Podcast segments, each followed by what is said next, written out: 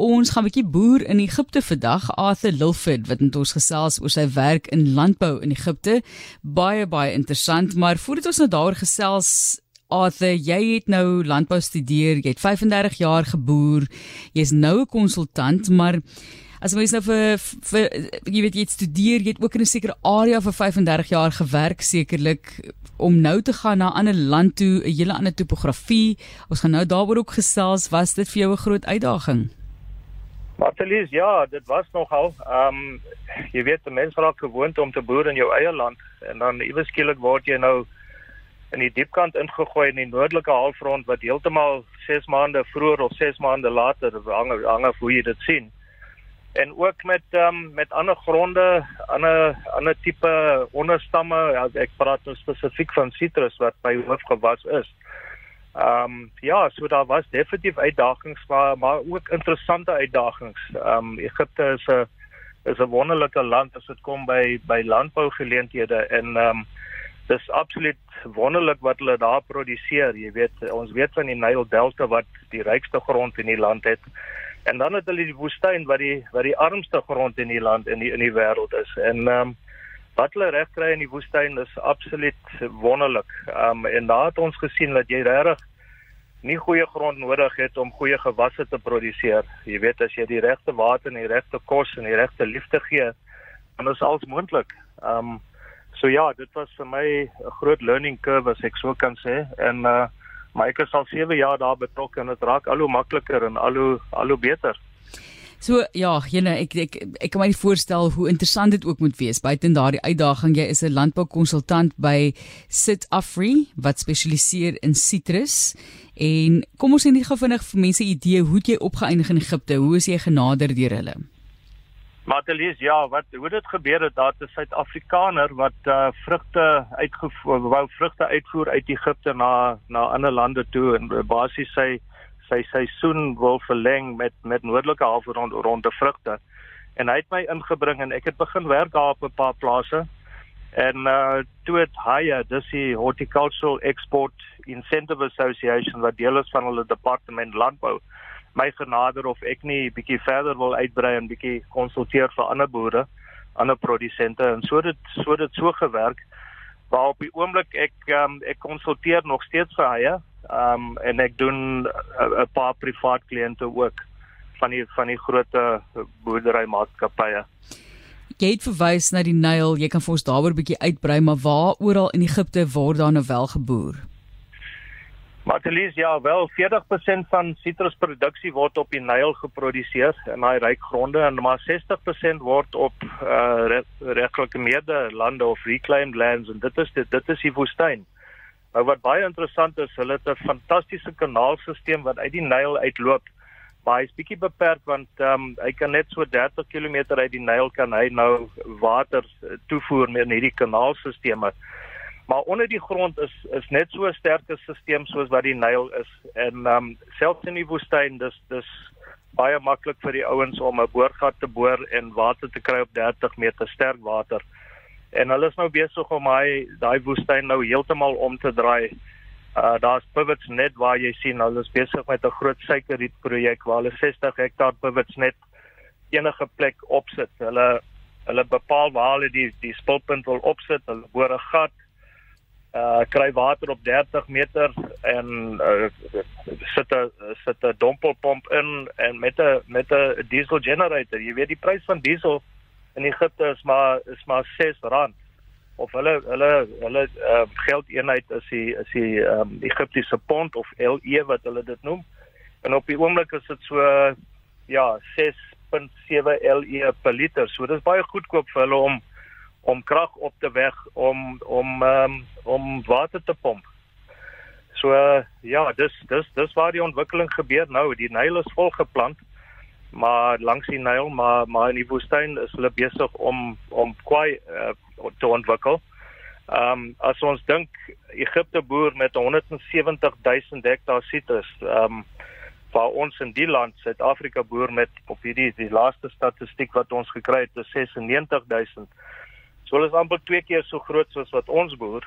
Ehm um, Maar wat bekommer wat ons baie bekommer is die getal jong bome wat geplant is. Daar's oor die 30000 hektaar bome wat nog nie in produksie is. Sjoe. En ehm um, Egipte is nou die grootste uitvoerland in die wêreld vir uitvoer sitrus, uh verby Suid-Afrika gesteek wat ons was al die jare uh, die grootste uitvoerland alhoewel ons produksie nie naby is wat wat ander lande is. Ons het die meeste sitrus uitgevoer in die wêreld. Egipte is nou ver verby ons. Ehm um, waar Egipte nou so 3.5 miljoen ton uitvoer uh vir ons nou 1.7. So hulle het, het nie net ons bietjie verbygesteek. Hulle het sommer uh, hulle produksie of ons uitvoerproduksie verdubbel. So hulle hulle is regtig baie baie aggressief uh met hulle sitrus aanbouings. En ehm um, hulle hulle produseer 'n baie baie goeie vrug. Ehm um, ek moet sê ek het vrugte reg oor die wêreld gesien en ek moet eerlik wees, ek dink die Egiptiese vrugte hoef van van niemand terug te staan nie. Hulle is hulle produseer regtig baie baie goeie vrugte. Jy het sê ook interessant genoeg dat die grond is so dat jy enigiets daar plant. So hier in Suid-Afrika sê julle is daar streke, daar is dit nou nie die geval noodwendig dat jy streke nodig het om sekere plante of vrugte of sitrus in jou geval nou te verbou nie. Hoe verskil Egipte dan van Suid-Afrika as jy vir ons bietjie daarop kan uitbrei? Matelies, wat ons wel sien daar is dat die groot boere ehm um, sal 'n paar gewasse uh, op fokus uh byvoorbeeld tafeldrywe, sitrus, ehm um, sal hulle hoofgewasse wees.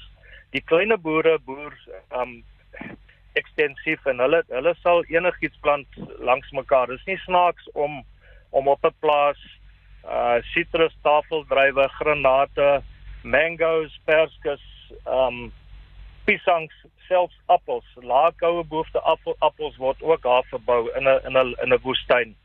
Uh dit is ongelooflik om om dit te sien wat hulle reg kry in op daai gronde. Dis regtig uh dis dis dis fantasties. Kom ons kom net vinnig terug na die water en die Nyl wat nou natuurlik hierdie water verskaf. Hoe volhoubaar is dit? Is die ek meen ons weet baie van die areas en dan die Nyl self is onder geweldige druk van mense wat daar op staat maak natuurlik en die tipe van water wat ons nou hiermee werk. Matelies, ja, die waters uit die Nyl is is is is goeie water alhoewel die EC's en die pH's, die waterkwaliteit, hy het bietjie sout in, maar dit dit dit bestuur ons uh, deur die besproeiing. Um die groot druk op die Nyl kom nou van die groot dam wat in Ethiopië gebou is op die Blou Nyl. En dis 'n politieke kwessie tussen die twee lande, maar op hierdie stadium het hulle nog nie vrede gemaak oor hoe hulle dit gaan bestuur, maar dis 'n groot 'n groot um, uitdaging vir die Egiptenare hoe hulle dit gaan gaan bestuur want dit is 'n groot bedreiging vir hulle op hierdie stadium. Kom ons gesels oor tegnologie. Dit is natuurlik belangrik deesdae as 'n mens kyk na landbou in die algemeen. So wat word daar gebruik? Waar maak hulle staat? En ek hoor dis onwettig om hommeltuie daar te gebruik. Dis heeltemal waar. Uh, ons gebruik baie hommeltuie nou in ons bedryf, um veral in die land, maar ons ons mag nie hommeltuie daar gebruik. Maar om terug te kom, hulle besproeiingsstelsels is is van die beste. Hulle gebruik Israeliese tegnologie. Uh, net of ek as ek 'n brand name kan noem, is baie baie groot in in in Egipte met hulle besproeiingsstelsel. Gebruik druppe druppe besproeiing. Hulle filterstelsels, hulle um inpomp van die kunsmis en goed word als met wel meeste met net of 'n um, gereedskap gedoen wat ons weet uh, top in die wêreld is. So hulle hulle besproeiingsstelsel, hulle kunsmistoediening is is terug ehm um, van die beste in die wêreld. Hulle moet dit doen om om vrugte te produseer in die in die woestyn. Ehm um, wat ek wel kan sê is hulle hulle is is eintlik bederf met die peste kompleks wat hulle het want hulle het nie baie peste nie. So hulle kom weg met met baie baie strale spuittoerusting en ehm um, dis 'n ding wat ek dink ook 'n bekommernis is in die toekoms. Uh daar is van die van die um, plantbeskermingsmateriale wat ons of, of produkte wat ons nie meer kan gebruik nie. En um, hulle word nou meer en meer gebruik uh om om te spuit, jy weet. En um, hulle toerusting is nie is nie daar wat dit moet wees uh en ek dink dis dis dis dalk uh, iets wat hulle gaan uh, probleme gee in die toekoms. Ja. Kyk, daar word nou baie staat gemaak op tegnologie, maar kom ons gesels oor die werksmag op landerye byvoorbeeld. So en jou samewerking met mense en hoe na jy met die mense self uh ook gewerk het wat daardie pragtige sitrus van jou met oes byvoorbeeld. Mm. Luister, dit is dit is een van die nadele van van van die sitrusvrugte in in in Egipte. Ek het altyd gesê Egipte produseer die mooiste vrugte aan die bome, maar hulle somehow kom dit nie in die pakhuis so aan en die hoofrede daarvoor is is die plukmetodes. Hulle pluk hulle sitrus nog in hierdie klein 20 kg tomatiekratte waarvan ons praat. En dit word dan op die grond gesit en dan uit die land uit opgelaai op op perdekarre en van die van die plase. Ehm um, en die die die kratte word dan met die hand gelaai in die boord. Hulle word op 'n trok gelaai. Van die trokke het pallette op, maar baie van die trokke is net losgelaai op die trok. Die trok ry dan pakstoor toe en dan word hy weer met die hand afgelaai wel op pallette laat 'n uh, laat 'n vurkhuise hom kan kan optel en in in die stelsel inbring. Maar met daai hele proses word baie baie vrugte seer gemaak en die plukbeserings as jy analise doen is baie baie hoog in van die pakstore. Daar's geen beheer oor die plukkery nommer 1 en nommer 2 baie vrugte word gekneus um in die, in hierdie proses, hierdie arbeidsintensiewe proses om hierdie vrugte te laai en af te laai by die pakstore. Um die arbeidsmag um ek wil nie te veel sê daarvan um maar ja, daar daar is genoeg arbeid, laat ek dit so stel. Hulle hulle bring die arbeid in van ander lande. Daar is genoeg arbeid. Um maar ja, um ek sal nie sê dis van die van die beste arbeid nie. Kom ons gesels oor die leefstyl daar. Arthur, waar het jy gebly? Matelies, ja, ek het uh op 'n paar plekke gebly. Um meeste in hotelle, maar die laaste rukkie bly ek sommer op 'n op op 'n plaas saam met um 'n Suid-Afrikaanse konsultant uh, boer wat um vir 'n groot maatskappy werk.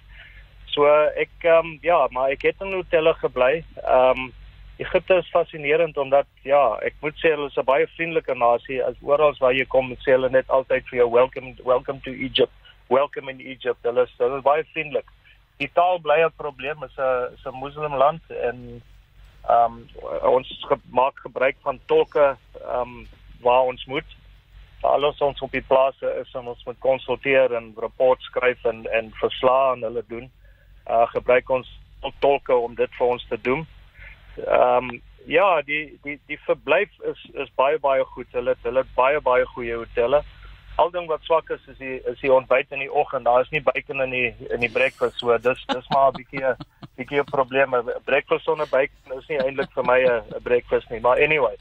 Uh dit dit gesê dit ehm um, ja, die kos, jy het gepraat van die kos. Die kos is is is wonderlik. Dis dis 'n baie ehm um, mediterrane mediterrane kos sal ek sê. Ehm um, dis dit ehm um, daar's baie hulle gebruik baie groente in hulle in hulle in hulle kos, baie groente, baie vrugte, uh neute, sulke goed, maar ek ek sal sê die kos mense wat mal is oor oor daai tipe kos sal dit sal dit baie van hou.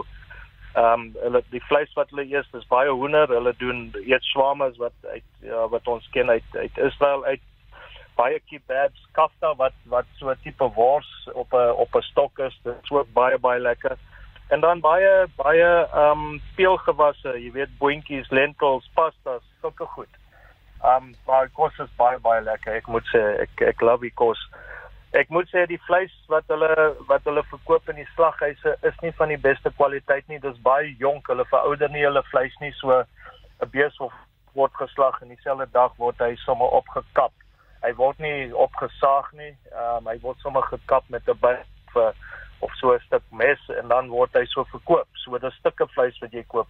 Jy kry nie mooi gesnyde choppies en sulke goed nie. Uh as ons daar is en ons wil braai dan braai ons of hoender of ehm um, of 'n fillet, 'n beesfillet. Ehm um, maar ja, dis dis dis dis basies van die kos, maar ek ek ek moet sê Ehm um, daar's baie Suid-Afrikaners in Egipte en uh, al hoe meer wat ek daar kom, ontmoet ek meer en meer van hulle.